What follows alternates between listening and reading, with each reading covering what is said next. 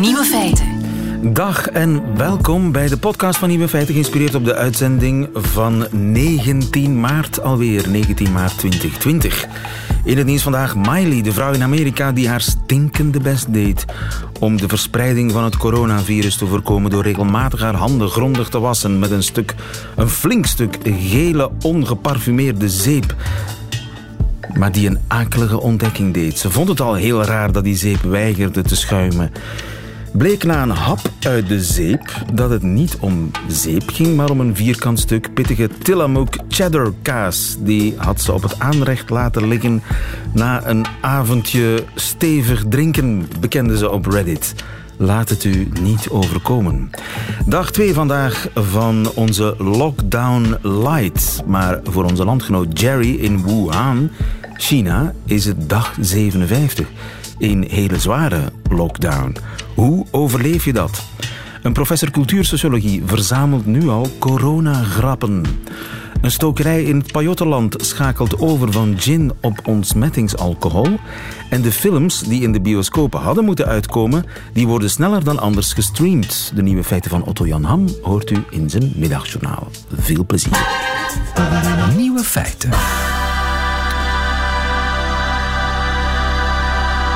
Dag 2 vandaag in Lockdown Light. In Wuhan zitten ze aan dag 57. Dag Jerry van Oudenhoven.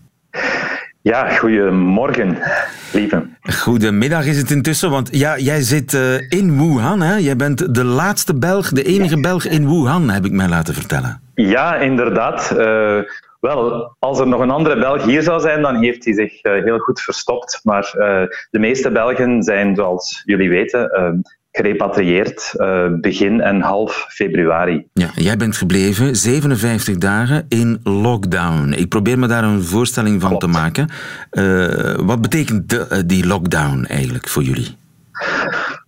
dat betekent eigenlijk dat op 23 januari om 10 uur s morgens um, in de eerste plaats alle um, openbaar vervoer gestopt is. En uh, dat ook heel wat uh, grote instellingen en uh, publieke plaatsen, openbare plaatsen, gesloten geweest zijn. Geen openbaar vervoer meer? Mag je nog de straat op?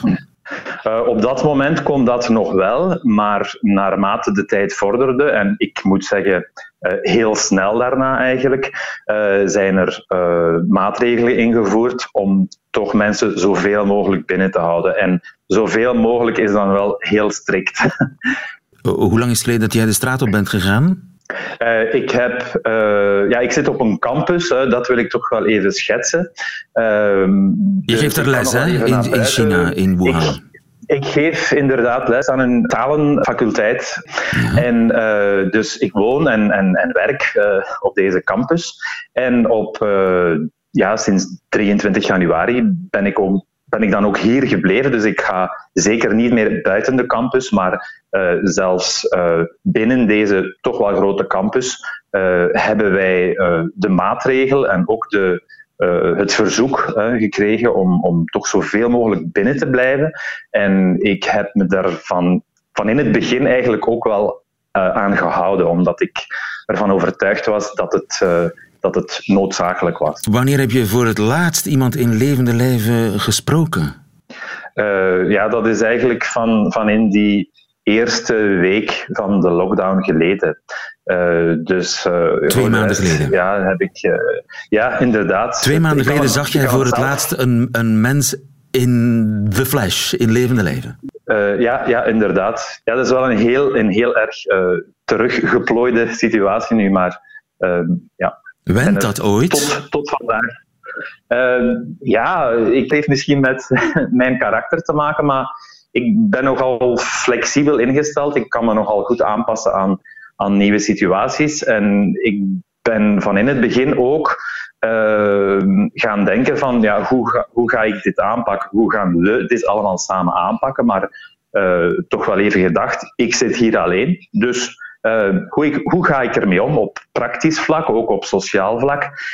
En uh, ja, dat is aardig gelukt. En, en dat is ook een beetje de boodschap die ik nu wil brengen uh, aan, aan iedereen die in, in een gelijkaardige situatie terechtkomt. Of misschien in een meer comfortabele situatie. Want ik ga zeker niet klagen, hè, want dat, dat, ik heb niet de gewoonte van dat te doen. Maar ik heb zoiets van, ja, als ik het hier kan, helemaal alleen en, en ver weg van huis, hè, want dat is toch ook wel een, een bijkomend aspect, uh, dan kunnen mensen in België het volgens mij zeker. En ik ga, ik ga niet oordelen over hoe ze ermee omgaan. Ik wil hen gewoon een, een, een duwtje geven aan, ja. en aanmoedigen van, kom aan, het maar, gaat echt wel lukken. Als je, ja, hoe, hoe, ziet dan, hoe ziet een dag eruit voor jou, zo'n lockdown-dag? Wel, voor mij ik moet zeggen, um, in de afgelopen um, zes weken heb ik het vrij druk. Het of niet, ik heb het vrij druk. Heeft ermee te maken dat ik uh, ook vrij vroeg gestart ben met online lesgeven. Dus lesgeven, dat gaat eigenlijk in lockdown, uh, online. Maar ja, uh, ja, ja. eten, uh, wel, er is een, net zoals in, op vele andere plaatsen in, in Wuhan, zijn er systemen opge, opgezet om mensen te voorzien, om mensen te bevoorraden. Dus je krijgt dus, het aan de deur geleverd? ja, inderdaad. dus er, er zijn uh, grosso modo twee mogelijkheden. Dus het gaan afhalen, maar dat willen ze absoluut beperken. In, in andere delen van de stad werkt dat op vele plaatsen zo. En er zijn vrijwilligers die het van bevoorradingsplaats naar de appartementsgebouwen en communities brengen. Uh, maar dus ja, het wordt, het wordt aan mij bezorgd hier. Ja. Dus dat, is, dat is wel goed. Hè? En dat, de andere boodschappen ja, ook, toiletpapier en zo en uh, andere benodigdheden?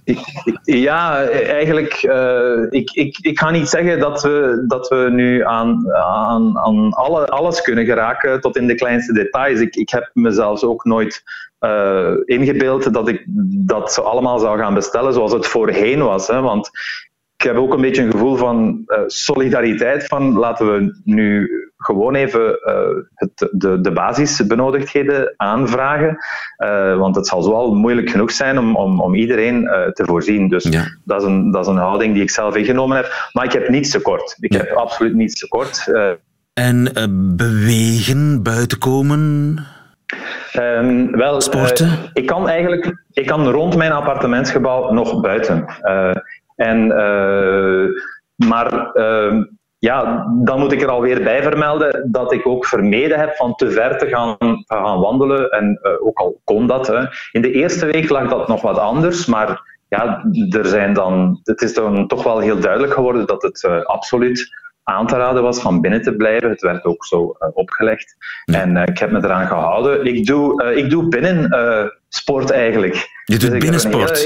Ja? ja? ik doe binnensport. Ik doe yoga, maar je, mensen kunnen misschien zeggen, ja, dat is toch niet echt gaan bewegen. Ja, daar zou je van schrikken, dat is één. en um, anderzijds, ja, doe ik dus wel ja, bewegingsoefeningen. Um, dat, het kan echt. volgens mij kan het echt. Ja, als je als je een tuin hebt, uh, ja, dat is fijn. Hè? Dan ga je daar rondlopen. Kan je nog naar buiten om te gaan wandelen, zoals vele mensen in, in, in Vlaanderen dat nu nog kunnen. Dat is fantastisch, maar ja, bereid je voor. Uh, als je dat niet kan, als je in een andere situatie, pro probeer toch iets te doen. Uh, ja. En ja, dat heb ik tot nog toe dus gedaan. Jij zit aan dag 57. Hoe lang moet je nog? Geen idee.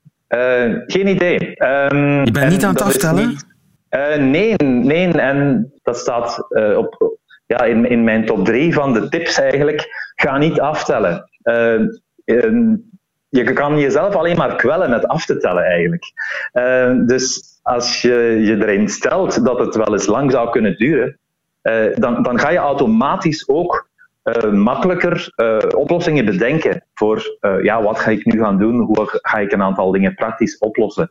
En dus nee, niet aftellen. Um, Maak er het beste van, dat... organiseer je zo dat je het eigenlijk heel lang kunt volhouden. Daar komt het eigenlijk op neer. Ja, en de situatie is hier heel goed gekeerd. Hè? Dus, dus we weten dat er, dat er nu nog nauwelijks nieuwe gevallen zijn. En uh, toch zal het nog even volgehouden worden om, om de, de geboekte winst niet, niet te verliezen. Ja. Dat is eigenlijk. Het einde is stilaan in zicht. En ik ben heel ja. trots op je, Jerry. Als ik jouw verhaal hoor, dan denk ik dat iedereen die nu al zit te sakkeren thuis even moet nadenken twee keer. Dankjewel, Jerry. Ja, en ik wens je nog heel veel sterkte. Ja, dankjewel. En goede moed aan iedereen. Hè. Alright. Oh, ik heb misschien nog één ding, nog één ding die, dat, ik, Ja. dat ik vergeet. Ja. Wa- Wat is het eerste dat je gaat doen als je naar buiten mag? Ah, ja, ja, ja. Dat Weet je dat al? Vraag. Ehm, ja, ik heb heel veel eh, vrienden, Chinese vrienden in Wuhan.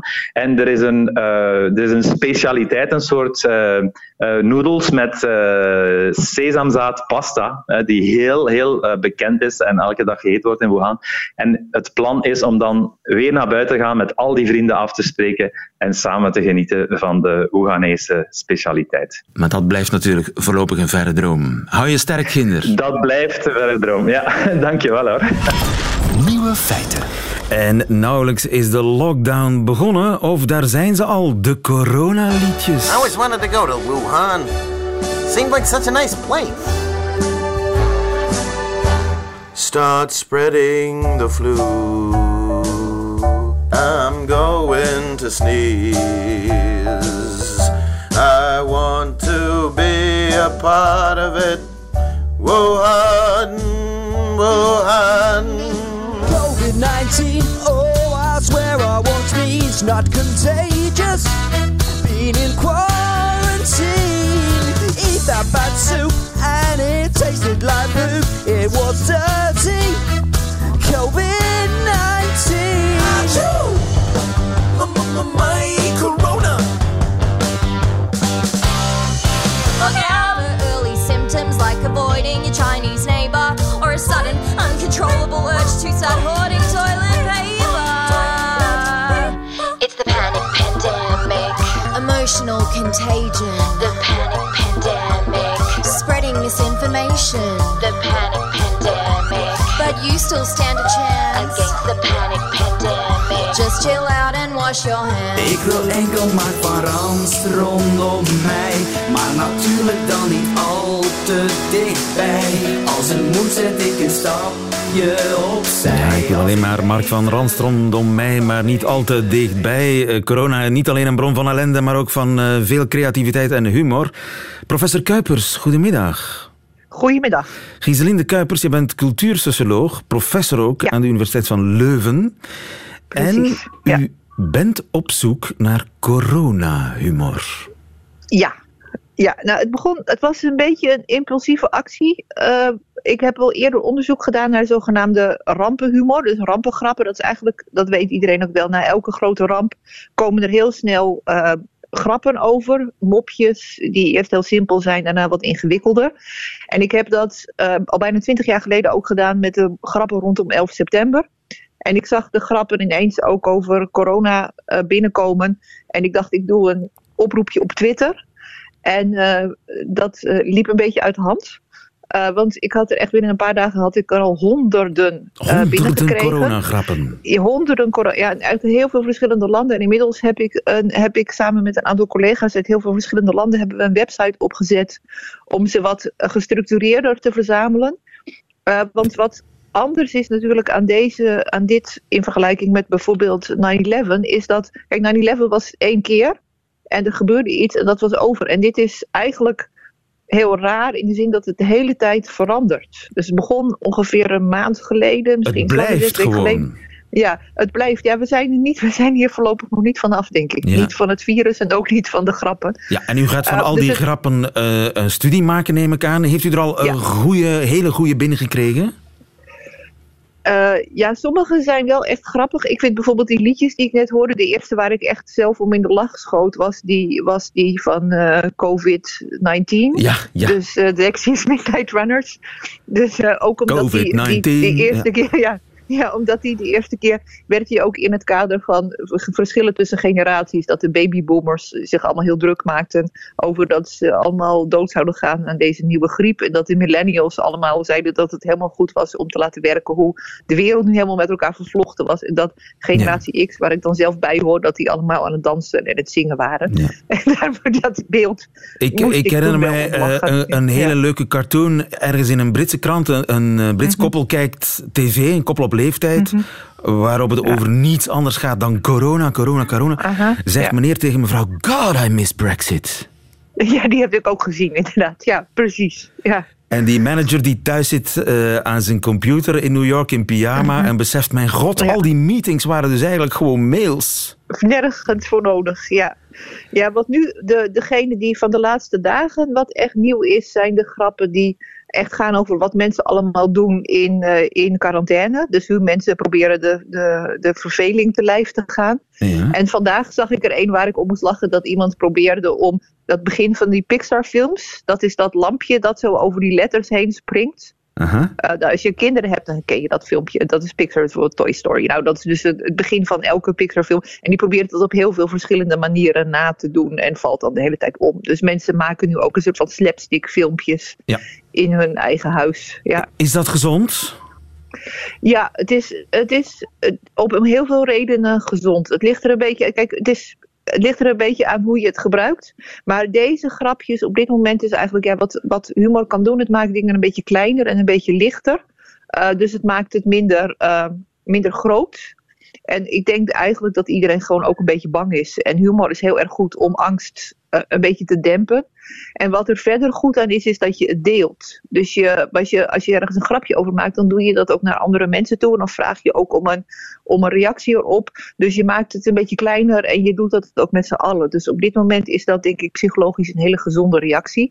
Waar we vooral door mee moeten gaan. Ja. Wat ik wel zie is dat, is dat het nu een beetje verandert. Is dat de grappen de laatste dagen ook meer echt wat grimmiger worden. En echt zwarte humor en ook echt schokkende humor. En dat ook in Italië, waar ik collega's heb die ook grappen verzamelen. Dat het daar allemaal wat grimmiger wordt. En is dat Het typisch? Dat, want je zei ook net, na 9-11 eh, kwamen de grappen ook al heel snel. Mhm, Eh, ja. Overigens, ik was toevallig in New York eh, een week na 9-11. Ik was met de eerste vlucht die wel naar New York ging. Mhm. Oh, ja. en, en daar waren in, in de zaaltjes, in de cafés, waren al de eerste grappen. De stand-up comedians, die showden de Gucci gas masks. Ja, Voor als er een, gasaanval zou komen. Ja, Ja, en Ja. dat was echt, bedoel, het Ja. rook er nog naar brand. Ja. Ja, nee, kijk, dat is echt golvenhumor. Dat is echt een ander soort, dat is echt een ander soort humor dan die, dan die, die, die rampengrappen. Want die zijn vaak, dat horen we net bij die liedjes ook, dat is vaak een beetje licht. Onschuldig. Eh, dat gaat vaak onschuldig. Nou, dat, gaat, dat, dat speelt vaak met, met populaire cultuur. Dus met reclames, met, eh, met popliedjes. Dus dat heeft heel vaak ook. In, bij 9-11 waren heel veel bijvoorbeeld eh, variaties op reclame voor Mastercard. Herinner ik me met Priceless. Wat toen een heel. Nou, dus ook zo, dat, is, dat, dat is eigenlijk meer een beetje absurdistisch. Een beetje meer spelen met populaire Maar nu cultuur. En die komt de macabere is- humor ja. met de dood en zo. Ja, is dat nog even gezond? Nee, nou dat is dus wat ingewikkelder. Dat is om veel redenen eh, niet zonder meer goed voor je. Ik bedoel, het helpt wel om in, hele, in, in noodsituaties er afstand van te nemen. Maar het is ook een vorm van humor waar je inderdaad mensen echt mee tegen de borst kan stuiten. En die dus, ja, die dus ook dingen afsluit, zeg maar sociale contacten, maar ook bepaalde emoties die je misschien wel nodig hebt. Dus dat is echt, galgenhumor is, is echt meer voor, zeg maar, voor noodgevallen. Maar daar moet je geen gewoonte van maken, want dan Ja. is het niet goed. En het is ook, je, je vervreemdt daar ook mensen mee van Ja. je. Want de, Later misschien, veel ja. later misschien als alles achter de rug is. Maar op dit moment Ja. galgen, echt Nee. galgenhumor eh, laten. Maar de, de lichte vrolijkheid... Om het allemaal een het klein helpt. beetje draaglijker te maken, dat kan. En die vrolijkheid is nog steeds welkom bij u. Ik neem aan dat we een link kunnen bouwen met onze website, zodanig dat u genoeg materiaal heeft voor uw studie. Heel graag. Professor Heel graag. Kuipers, dankjewel. Goedemiddag. Ja. Graag gedaan. Goedemiddag.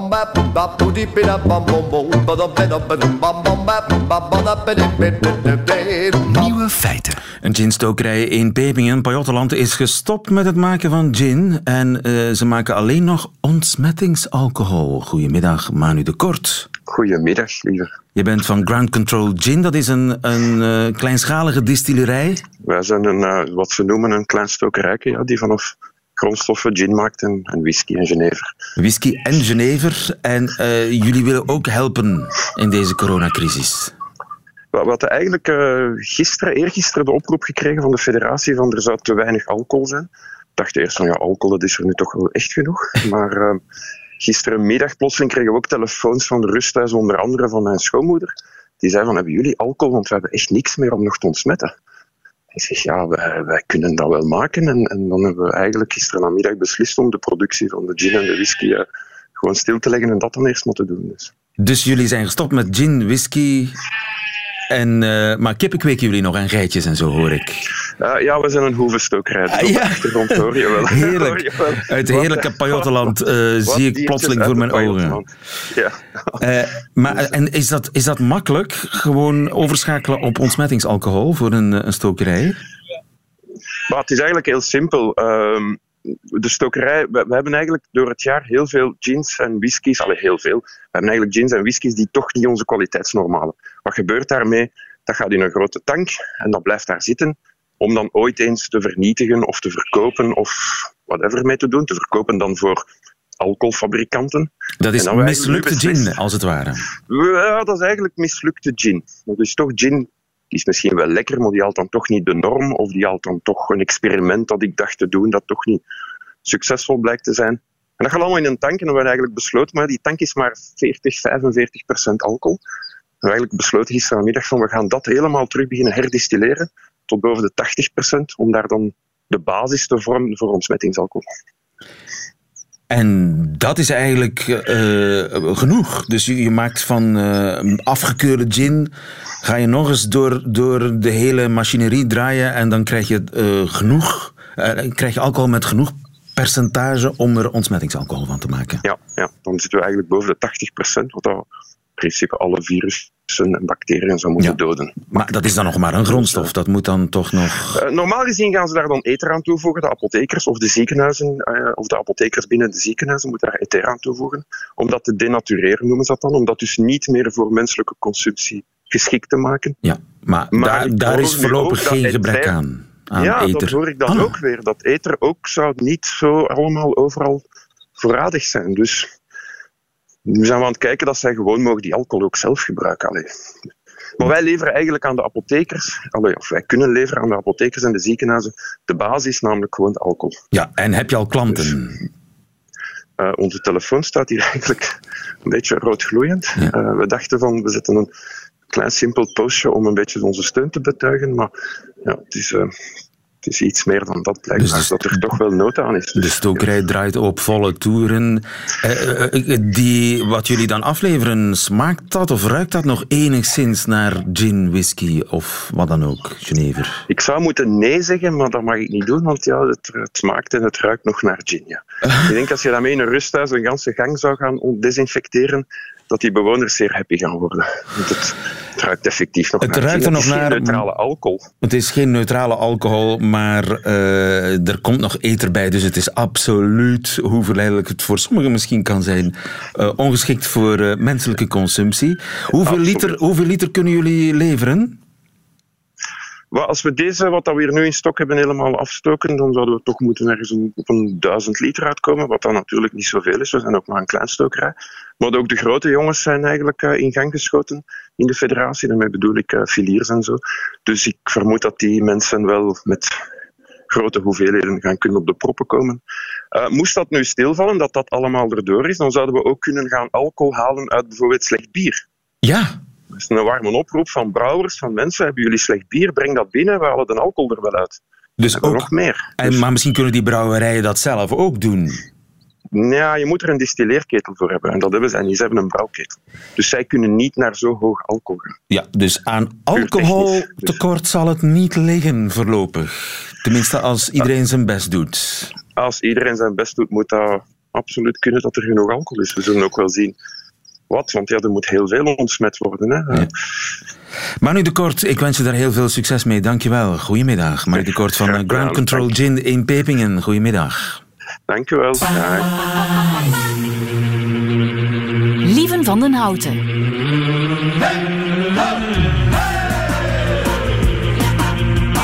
Nieuwe feiten. En er hadden gisteren weer een paar nieuwe films moeten uitkomen in de bioscoop. Maar ja, niet dus, lieve trio. Goedemiddag. Dag Steven, inderdaad. Geen nieuwe films in de bioscoop. Onze filmman op post trouw, maar niet in de bioscoop, want die is toe. Nee. Geen bioscoop Ja. die nog draait. En dat in de halve wereld, hè? niet alleen bij ons. Nee, dat klopt inderdaad. Dus in, in, in China en, en later in Italië natuurlijk zijn ze al een hele tijd gesloten. En vorige week vrijdag gingen ze dan in ons land ook dicht. En nu is het in Amerika ook bijna zover. Hè. Dus ik denk dat er hier en daar nog een paar zalen zijn die open zijn. Maar de grote ketens hebben sowieso gezegd van kijk, wij sluiten. En de zalen die nog open zijn, daar wil ook niemand meer naartoe. Uh, en er zouden trouwens ook bijna geen films meer draaien. Want um, zowat alle grote releases die voor deze periode stonden gepland, die zijn gewoon geannuleerd. En welke films zijn we zo bijvoorbeeld aan het missen? Oh, er zijn er heel wat. Um, deze week, uh, gisteren normaal gezien, was A Quiet Place 2 uitgekomen. Dat is, uh, het, het, is toch wel zeer uh, gehypte vervolg op een groot succes van een paar jaar geleden. volgende week ging Mulan dan in de zalen komen. Dus die um, ja, nieuwe versie van de bekende Disney-film die zou uitkomen, ook uitgesteld. En ook No Time to Die, de nieuwe Bond-film, die was al, al twee weken geleden hadden ze al aangekondigd dat die zou verschoven worden. Black Widow, de Marvel-film, of, of Fast and Furious 9. Allemaal uh, verschoven naar het najaar of zelfs naar 2021. Ja, ik ga ze niet allemaal missen, moet ik eerlijk zeggen, uh, als ik de titels zo hoor. Maar uh, ja, dus die worden uitgesteld, die releases, naar het najaar. Ja.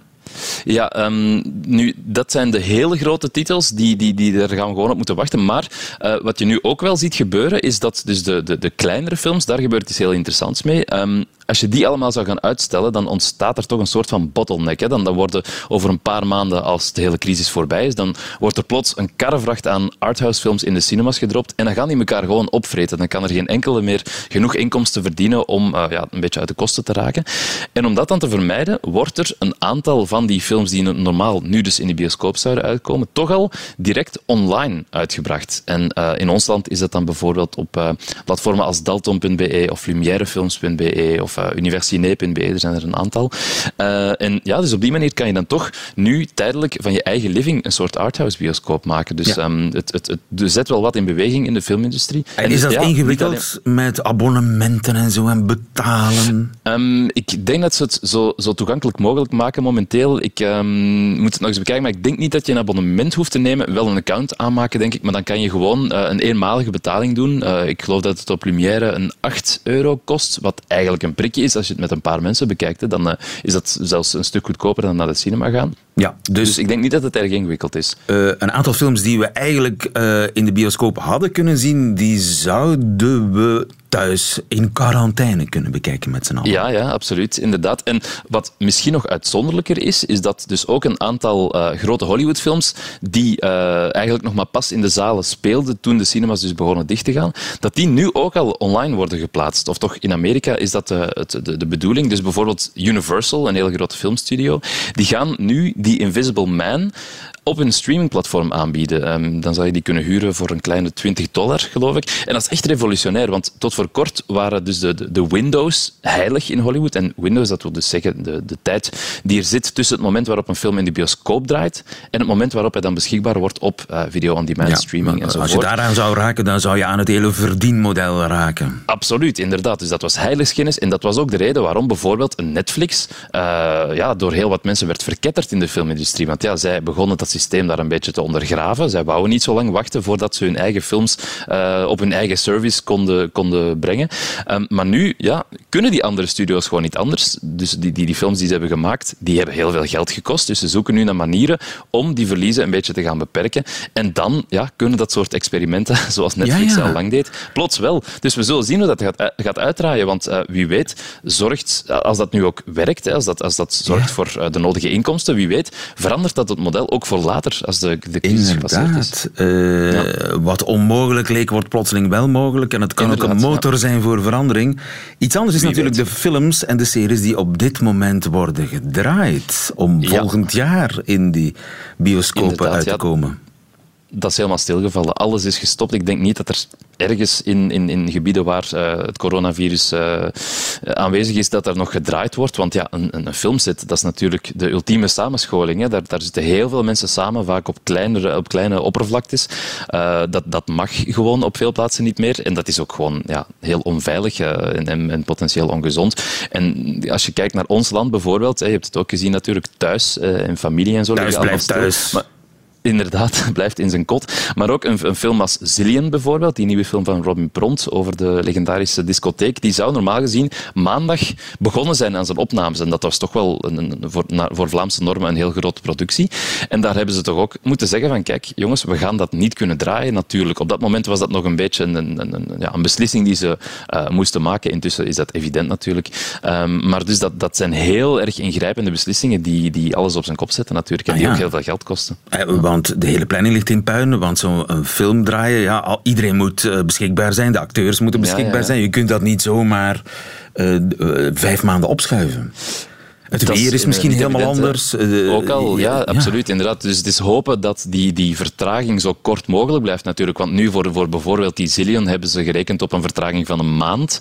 Eh, intussen lijkt me dat misschien een beetje optimistisch. Hè. We zullen zien hoe het eh, over een maand is. Maar natuurlijk, als je nog meer vertraging hebt, dan wordt het heel moeilijk effectief om die acteurs vast te houden. Die hebben natuurlijk ook al eh, projecten voor in de toekomst. Al is daar ook weer de vraag, gaan die dan door enzovoort. Maar het is, ik moet Dus- je niet uitleggen, het is een ongelooflijke Het is een chaos. een en- chaos. en een puinhoop. Ja. En die, die lockdown van vandaag die kan voelbaar blijven tot volgend jaar op tv en in de cinema. Ja, dat, dat, dat lijkt het wel op. Want ja, het is dus totaal onduidelijk wanneer er weer aan de slag kan worden gegaan.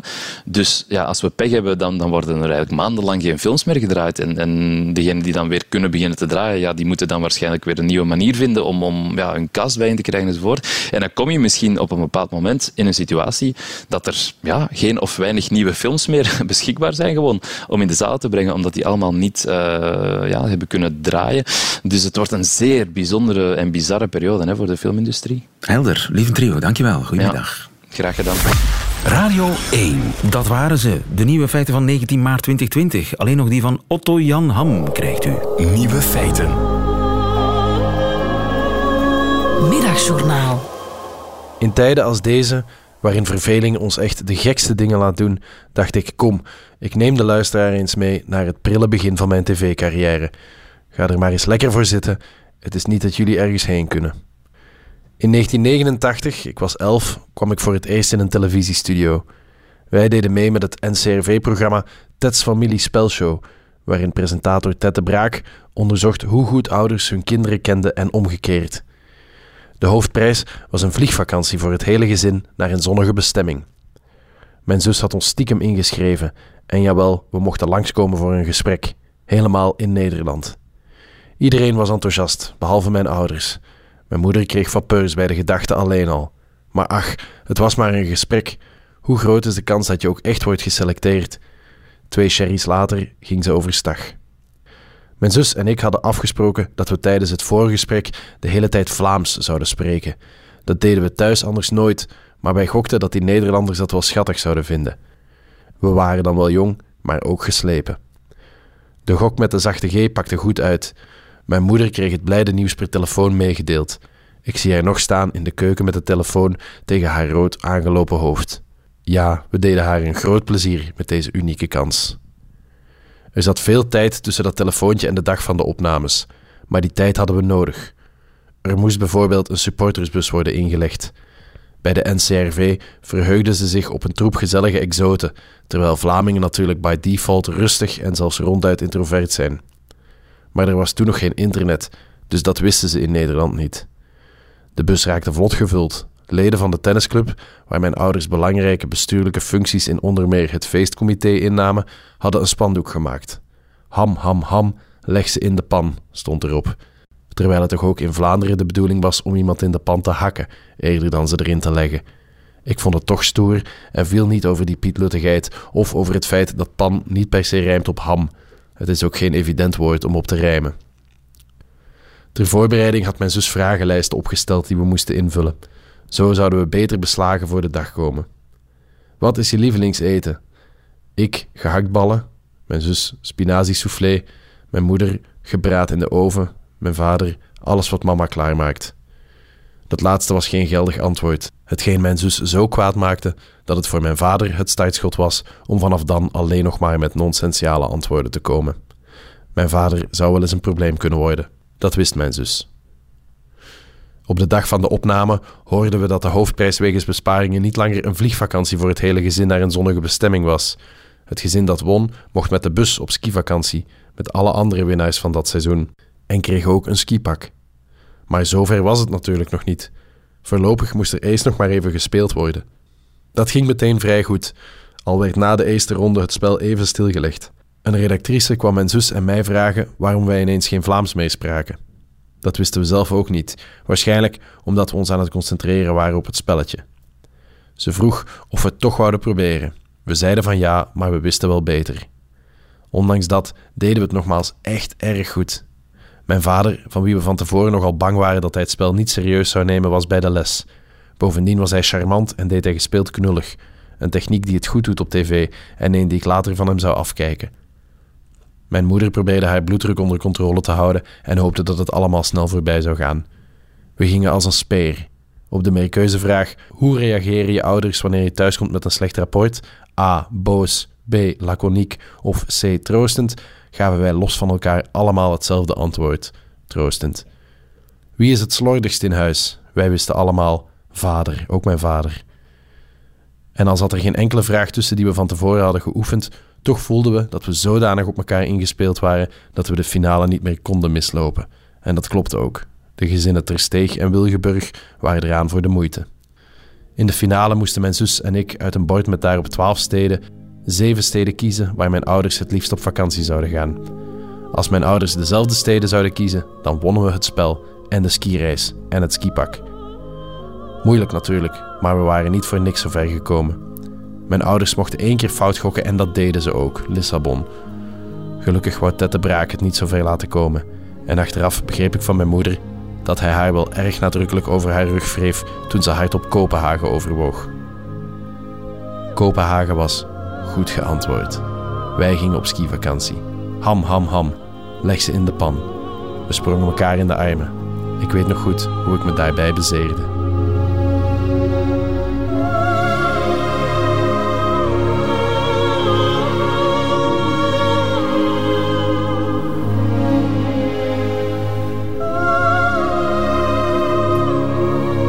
Wilde avonturen van Otto Jan Ham als 12-jarige op de Nederlandse televisie. Daar moeten toch nog beelden van zijn. Einde van deze podcast. Hoort u liever de volledige uitzending met de muziek erbij? Dan kunt u uiteraard terecht op onze app. En daar vindt u ook nog meer podcasts, net als op onze site. Tot een volgende keer.